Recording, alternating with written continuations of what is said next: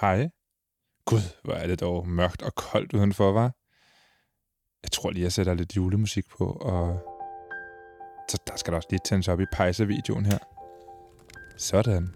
Velkommen til All Caps.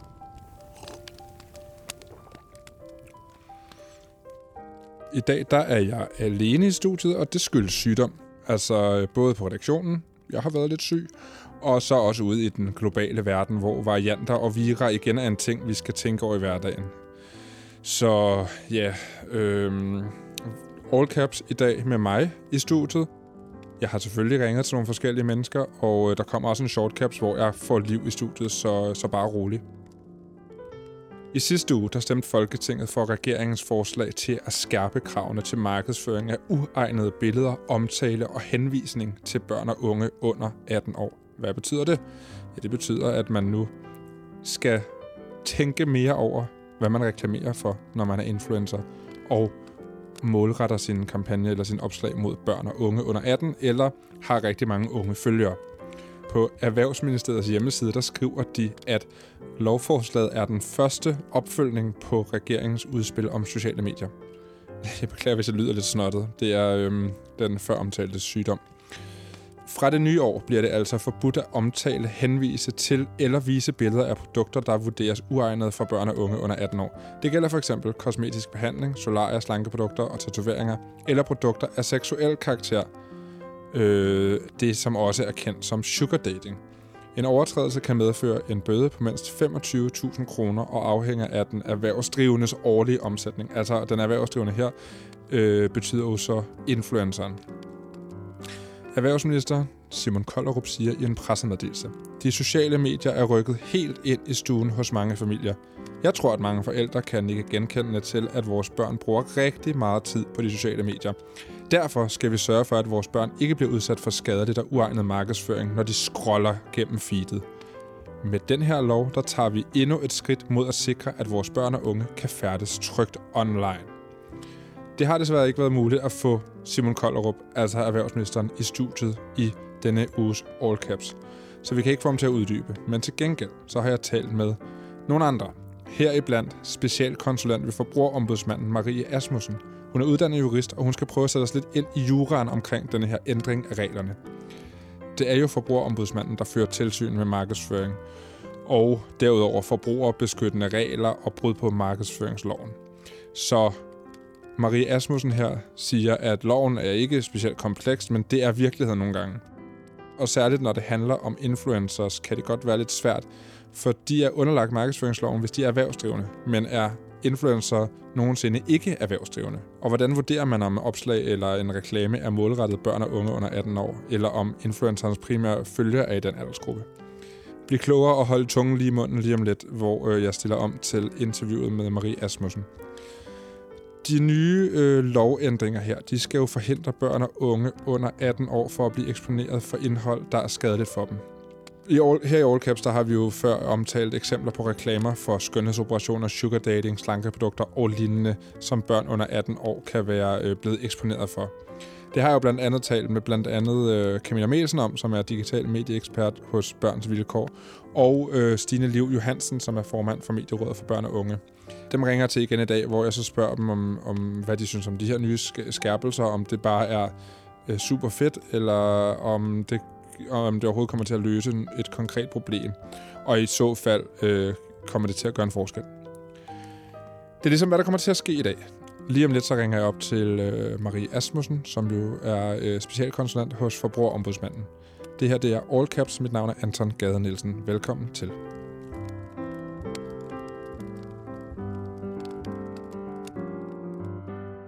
Hej Marie Asmussen. Hej. Du er specialkonsulent ved Forbrugerombudsmanden, og øh, det er jo jer, der fører tilsyn over markedsføring og forbrugerbeskyttende regler og brud på markedsføringsloven, ikke sandt? Jo, det er helt korrekt. Og øh, vi to, vi skal tale om ikke hele markedsføringsloven og, og alt, hvad der har, har med markedsføring at gøre, men specifikt om influencer-markedsføring og kampagner lavet af influencer. Øh, altså folk, der har mange følgere på sociale medier og får betaling for at omtale produkter til deres følgere. Øh, der er jo sådan overordnet set nogle ret klare regler på det her område, så man undgår øh, skjult reklame. Ikke rigtigt? Det er helt klart vores, øh, vores opfattelse, jo. Øh, hvad er det øh, helt generelt, hvad man skal være opmærksom på som influencer, når man laver betalt indhold på sine øh, platforme eller kanaler?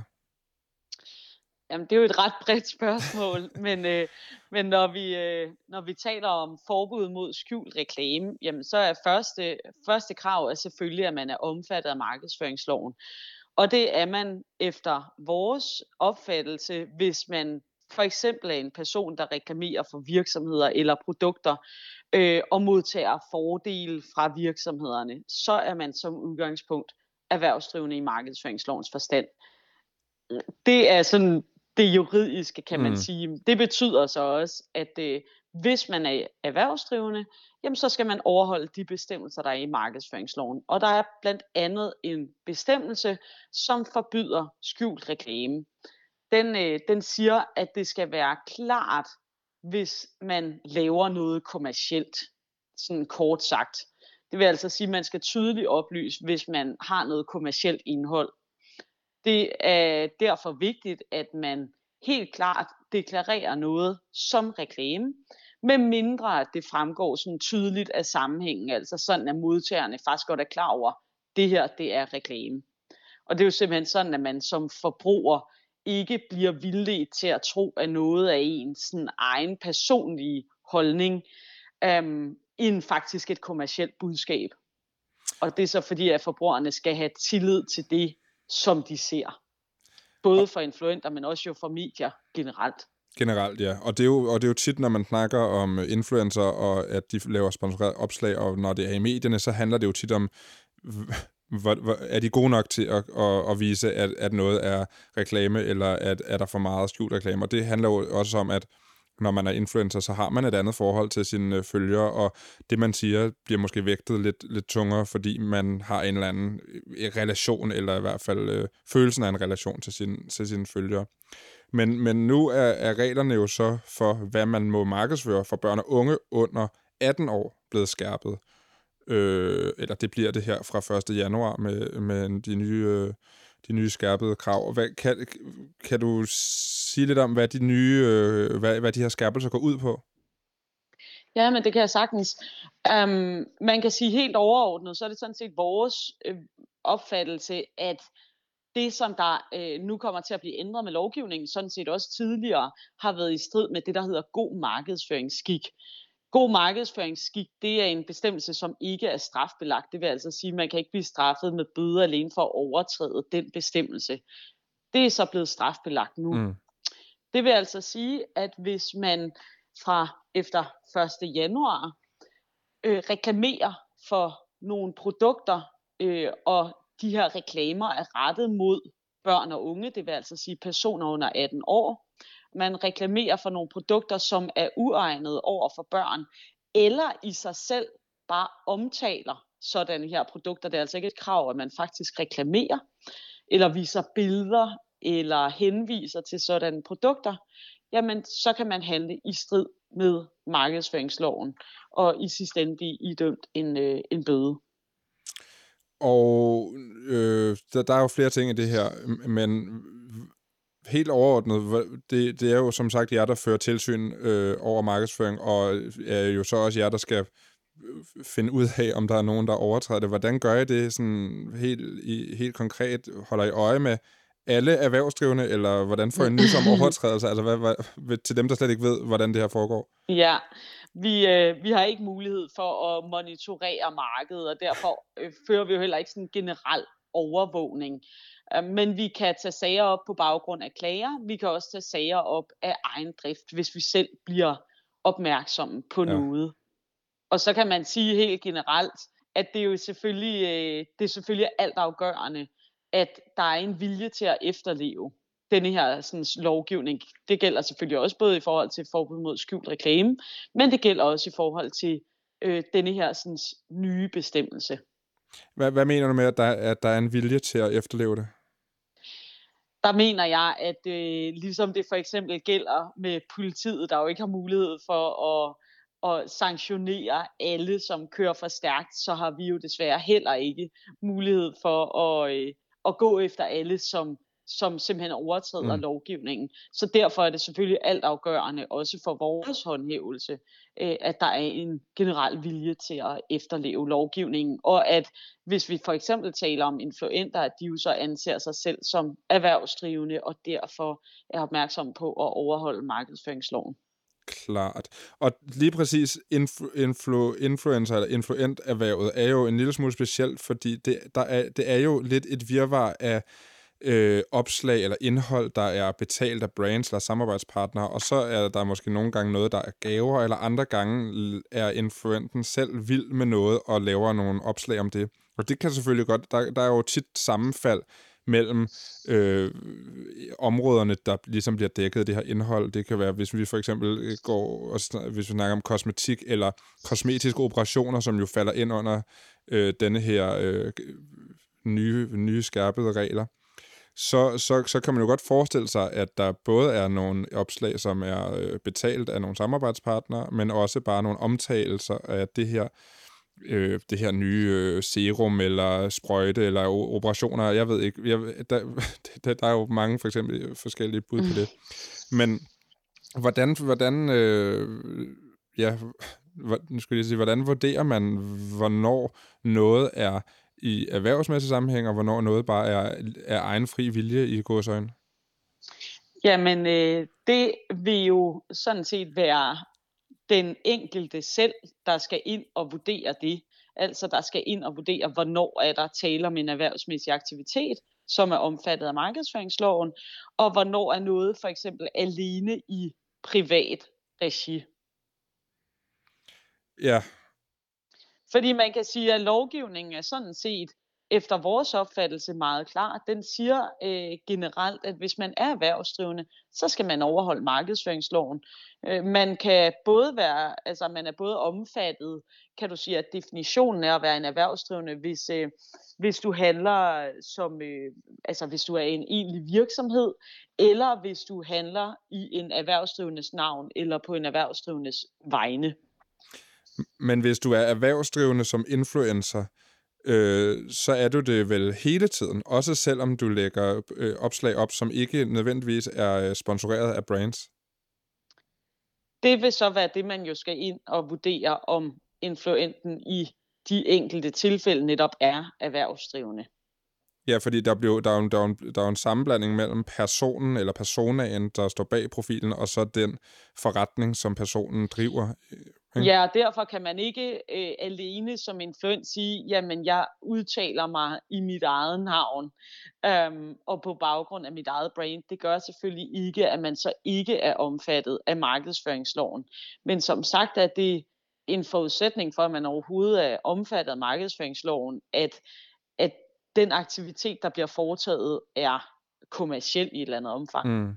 Men nu siger du også, at denne her nyskærpelse med øh, indhold, der er markedsført eller omtalt til personer under 18 år, også gælder for ting, som ikke er øh, sponsoreret eller betalt, men generelle omtaler af det. Og det, det kræver så, at det, det er rettet mod, er brugere under 18 år, eller hvis influenten selv har en overvægt af unge følgere. Er det, er det ikke sådan, det skal forstås? Øh, både og, fordi at for at man overhovedet er omfattet af bestemmelsen, skal man som sagt agere som erhvervsdrivende, og dernæst skal der være tale om det, man betegner som handelspraksis. Øh, og rent sådan juridisk, og nu skal jeg beklage de juridiske sådan termer, men der er der alene tale om en handelspraksis, hvis man kan sige, at der er tale om en handling, eller en udladelse, adfærd, fremstilling, eller det, der hedder kommersiel kommunikation, for eksempel reklame og markedsføring som er foretaget af en erhvervsdrivende, og som har direkte relation til promovering, salg eller udbud af et produkt til forbrugerne. Okay, så, så hvis man sidder og er bekymret... Og der håber jeg ikke, jeg tabte alle. det kan godt være, men, men nu fortsætter vi, øh, og må vi håbe, at vi kan samle nogen op igen. Nej, men det vil så sige, hvis man sidder og er influent og er vild med øh, at, at omtale øh, øh, hvad hedder det, kosmetiske behandlinger eller skønhedsoperationer øh, og lignende, og både gør det øh, kommercielt, men også gør det for, for ligesom, fordi det er en hobby eller en interesse, så skal man ikke være bange for at lægge, lægge bånd på sig selv øh, i, sin, øh, i sin egen sådan daglige øh, opslag, som ikke har til hensigt at, at sælge noget. Man skal selvfølgelig altid være opmærksom på markedsføringsloven, Ja. og det skal man, hvis det er, man agerer som erhvervsdrivende. Og så skal man simpelthen ind og foretage en vurdering af, hvorvidt det, som man har tænkt sig at poste, vil være omfattet af lovgivningen, og i strid eller i overensstemmelse med lovgivningen. Og der må vi igen sige, som sagt, det er ikke vores opfattelse, øh, eller i øvrigt vores vurdering, at markedsføringsloven, den er kompliceret, eller at der egentlig er gråzoner. Det vil altid være, det er et meget kedeligt juridisk svar, men en konkret vurdering fra sag til sag. Men det kan på den anden side sagtens være, at virkeligheden, den er kompliceret. Men det gør ikke nødvendigvis lovgivningen kompliceret. Nej, nej, nej. Øh, men hvis Så man, når man beslutter sig for at agere øh, som influent, øh, og i øvrigt, hvis man bliver erhvervsdrivende, jamen så er det selvfølgelig vigtigt, at man overholder lovgivningen på præcis samme måde som andre erhvervsdrivende. Ja, fordi på en eller anden måde, så er alt indhold, der bliver øh, øh, udgivet af en influent, jo på, på altså, det fører jo til bunken af ting, der skal fremme forretningen på en eller anden måde, om det så er øh, i- antal følgerantal eller fremtidige samarbejdstilbud. Øh, ikke? Så det er der, hvor man så skal vurdere, hvad, hvad er hvad, og, og, og hvordan gør man det? Det er øh, igen tilbage til det her, som jeg sagde med, at det er en konkret vurdering fra sag til sag. Okay, men så lad os sige, hvis I nu får nys om, at en, øh, en influent har øh, reklameret eller omtalt øh, sådan nogle her produkter, som falder ind for, øh, for de nye skærpede regler, øh, for eksempel øh, sugar dating, og, og det, det vurderes, at personen har målrettet det til mange under 18, eller selv har mange følgere under 18.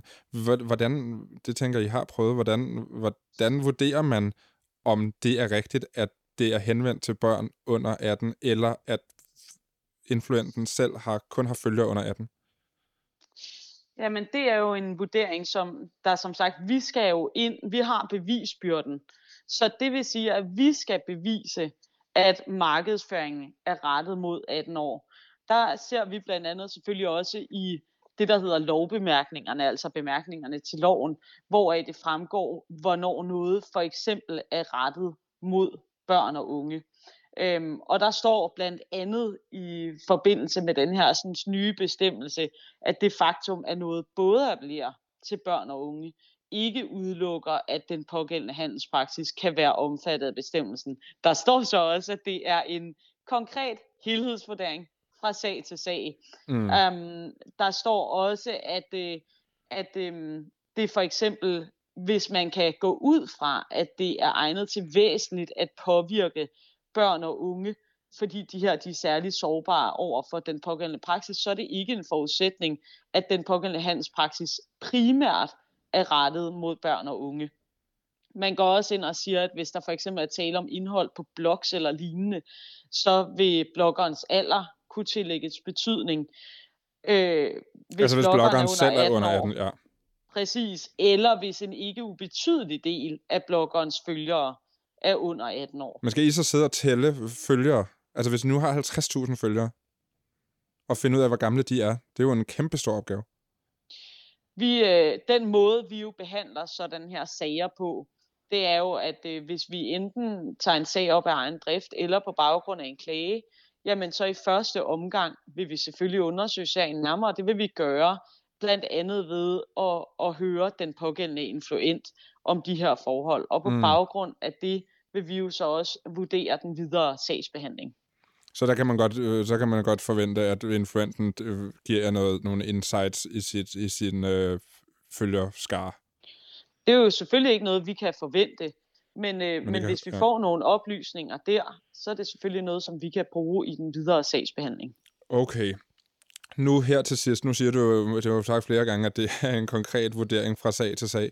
Og det lyder jo på en eller anden måde som om, at der er ret mange ting, der skal vurderes hver gang. Og det lyder også som om, at det kan være en lidt langvarig proces. Så jeg forestiller mig jo, at I inde hos ombudsmanden har stakkevis af sager, der hober sig op og bliver, øh, og bliver endnu større nu med de skærpede regler. Øh, kan, I, øh, kan I følge med? Jamen det vil tiden jo vise. Øh, som sagt, så øh, vi har en prioriteringsadgang, så det vil også sige, at vi, vi kan ligesom beslutte, hvilke sager vi skal tage op, og hvilke sager vi ikke skal tage op. Tiden vil jo selvfølgelig vise, om det her vil give os endnu flere sager, men vi mener sådan helt generelt ikke, at øh, de nye bestemmelser øh, vil være vanskeligere at håndhæve end de øvrige bestemmelser i, øh, i markedsføringsloven. Jamen, øh, Marie Asmussen, tusind tak, fordi du gad at, at snakke lidt jura på mig. Øh, det, det, det bliver spændende. Lidt kompliceret, men, men meget spændende. Jamen, øh, velbekomme, og jeg håber, at det, at det om ikke andet gav lidt mening.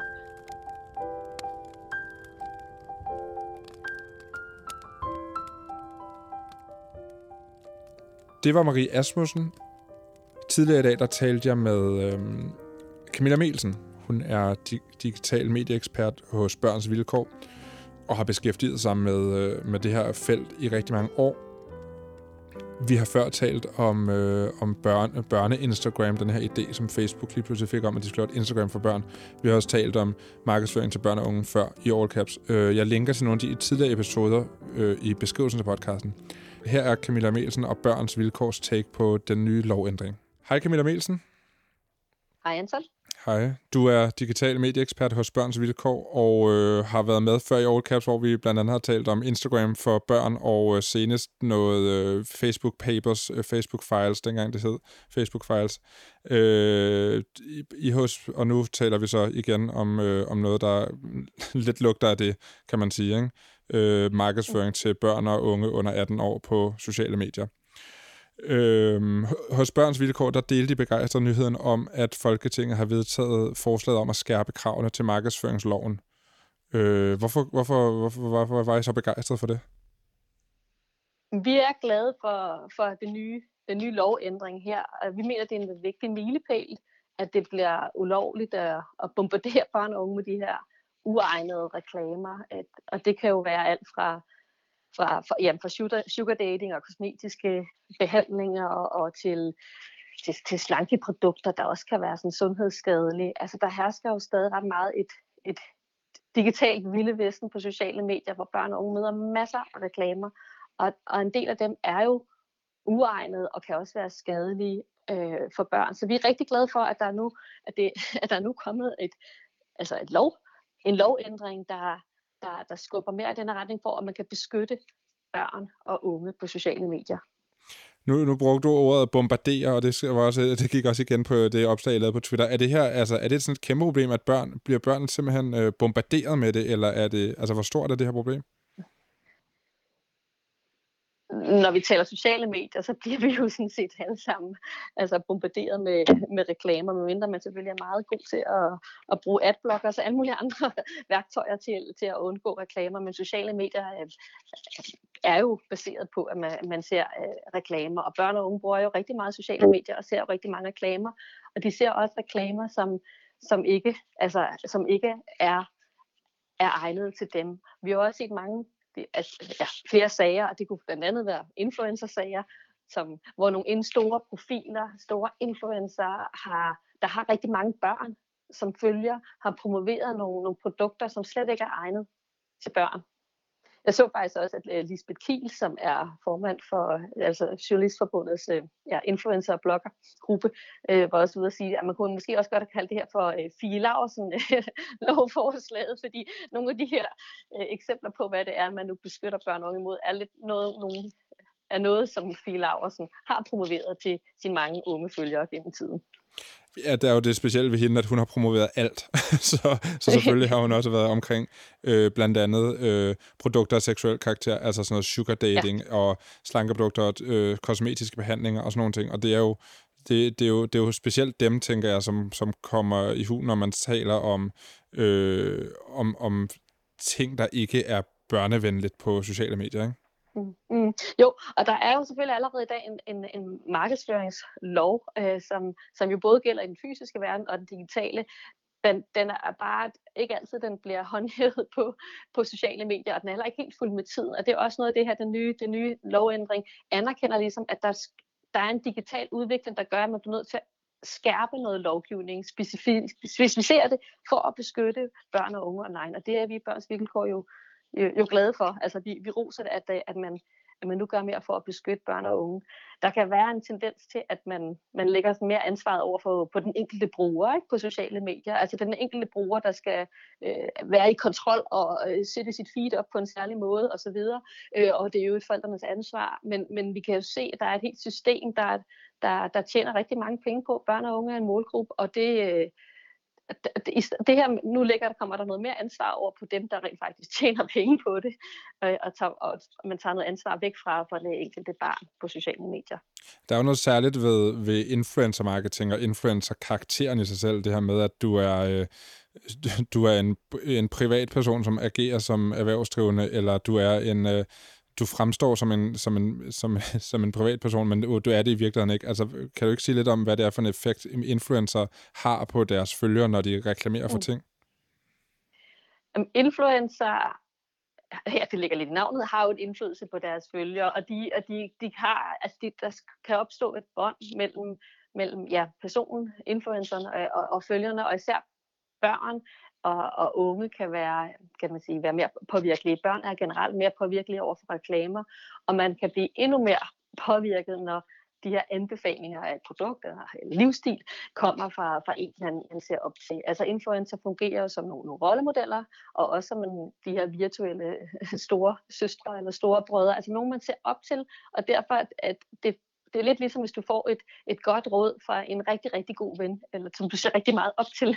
Øh, det virker bedre, end hvis du ser en anden tilfældig reklame på, på en bus. Den her lov, det er jo en tilføjelse til den indsats, som regeringen har, har, har kører mod øh, tech-giganterne og sociale medier, og øh, vi har også omtalt den hvide bog, de udgav øh, for, øh, ja, det er snart flere måneder siden her i All Caps. Men at det her, altså at den her den her tilføjelse, det handler jo ikke specifikt om tech men mere om markedsføringslovgivningen. Er det her øh, nok, eller er det et skridt i, i den rigtige retning? Altså, tech eller platformene er jo øh, egentlig bare kanalerne, hvor det her det sker på.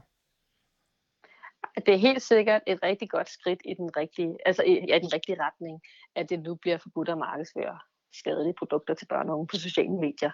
Det er, at, at, netop et opgør med det her digitale sådan vilde vesten, og hvor man får reklamebombardementer om alt muligt, og hvor som, som erhvervsdrivende, altså om, som, influencer eller som et firma, der vil reklamere, så, så, så skal, er der jo for, i forvejen jo en, nogle, et etisk kodisk eller etisk markedsføring, man skal, man skal følge, men her er der det her med, at man går ind og laver en stramning, en skærpelse af, at der, der, vi skal se på, hvad der er uegnet for børn, og man kan faktisk få en bøde, hvis man, hvis man reklamerer for det. Det synes vi er rigtig positivt. Det er en rigtig god, øh, hvad hedder det, et supplement til, til, øh, til regeringens hvidbog og også til det her sociale medieudspil, der er kommet. Altså noget af det, der er rigtig godt ved det nye, den nye lovgivning her, er, at det går ind på det, hvad der er skadeligt. I regeringens øh, udspil handler det rigtig meget om, om, hvad der er ulovligt indhold på sociale medier, og så kan man stille sociale medier til ansvar for det indhold, der er ulovligt. Der er ikke så meget, der handler om, hvad er det egentlig, der er skadeligt. Øh, og det går det her, den her lovgivning ind på og kigger på i forhold til markedsføring.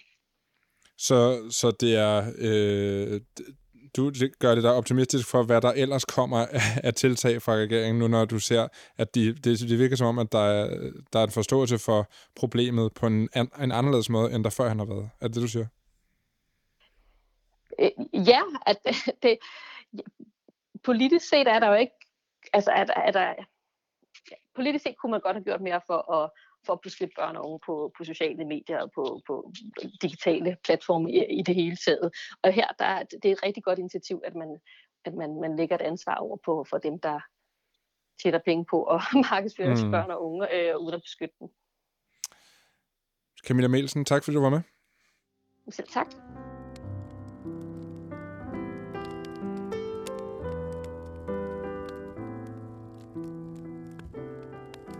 Nu skal vi høre fra Stine Liv Johansen, som er formand for Medierådet for Børn og Unge. De er jo selv i gang med en, øh, en mærkningsordning, som skal fokusere på, hvordan øh, hvilke influenter, der er øh, egnet for børn, og hvilke der ikke er.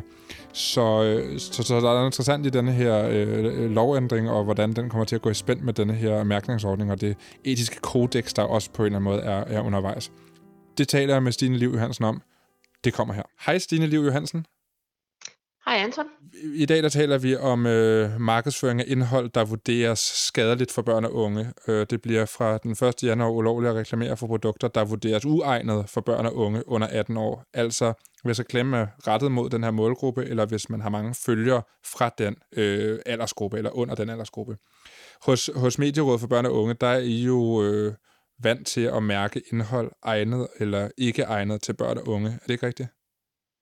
Jo, eller faktisk rettere sagt, vi mærker det ikke, om det er egnet til børn, men vi mærker, om det er skadeligt for børn. Ja, for det er dem, der ikke lige skulle kende Medierådet for børn og unge. Hvad er det så en af jeres opgaver, eller hvad er det, den her opgave blandt andet handler om? Altså den opgave, som vi jo øh, har, har haft i 20 år, det er at øh, sætte aldersmærker på film, som ja. går i biografen.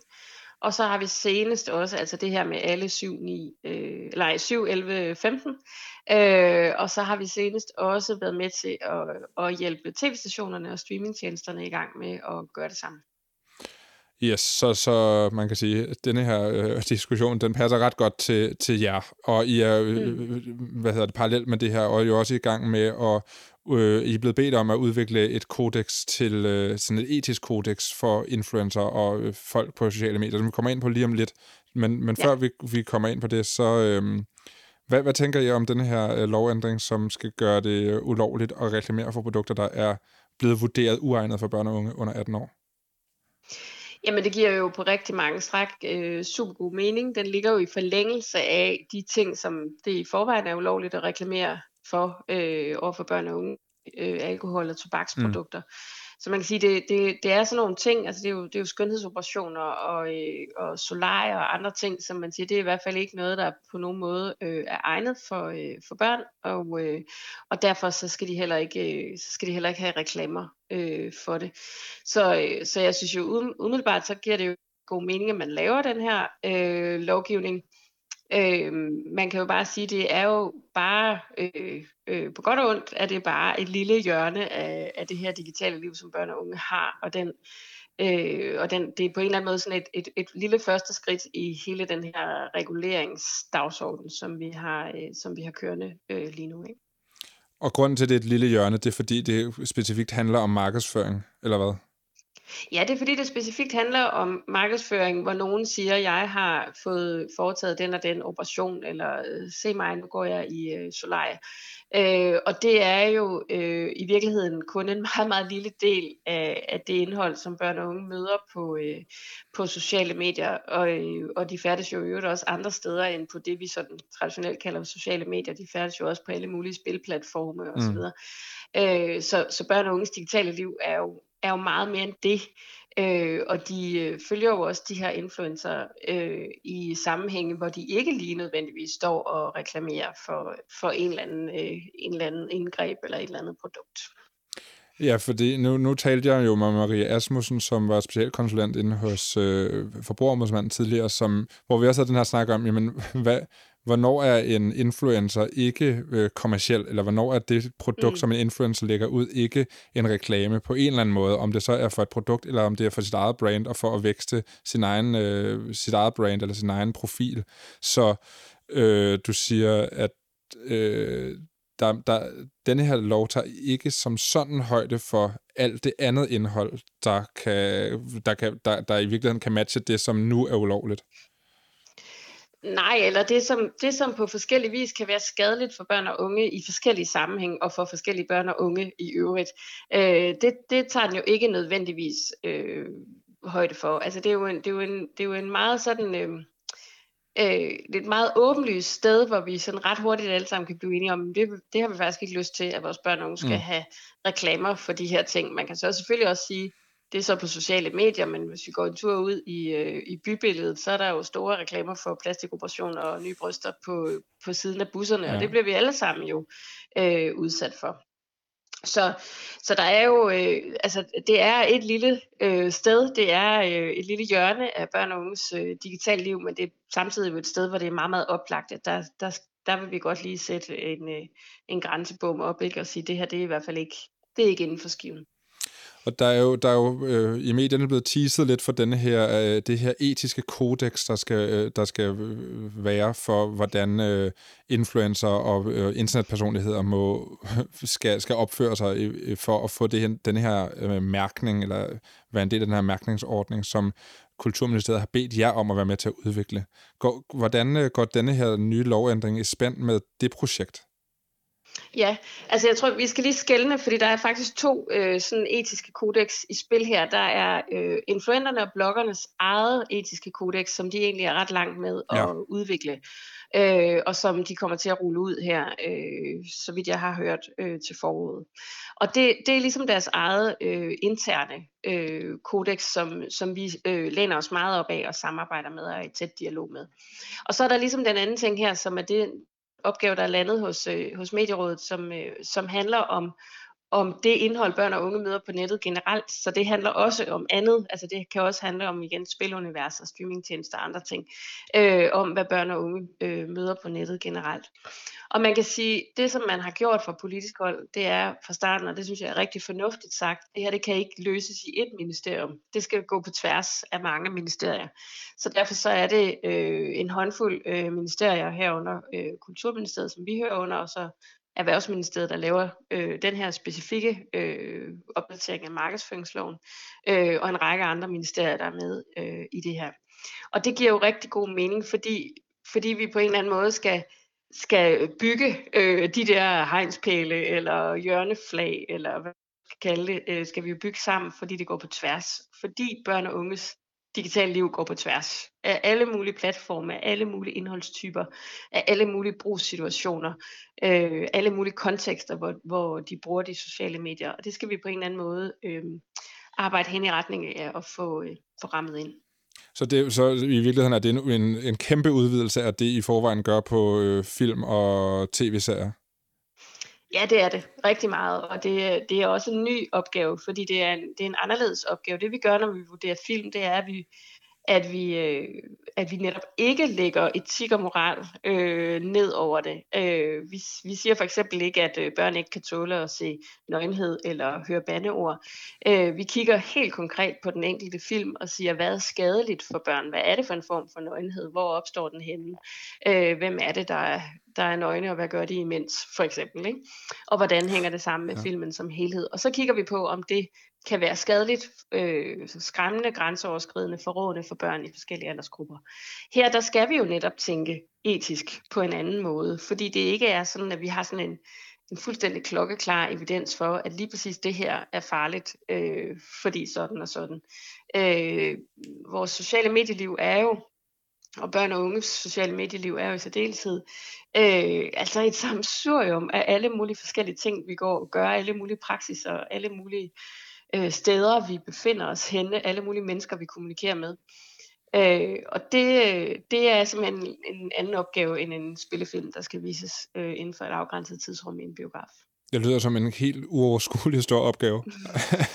altså, der er jo virkelig meget Nej, indhold. Det er, jo på, det er jo på den anden side også en enormt fed opgave, fordi det er jo, det er jo en opgave, der giver mulighed for, at vi, øh, vi kan gå i gang med en meget, meget mere øh, udfoldet dialog om de her øh, emner.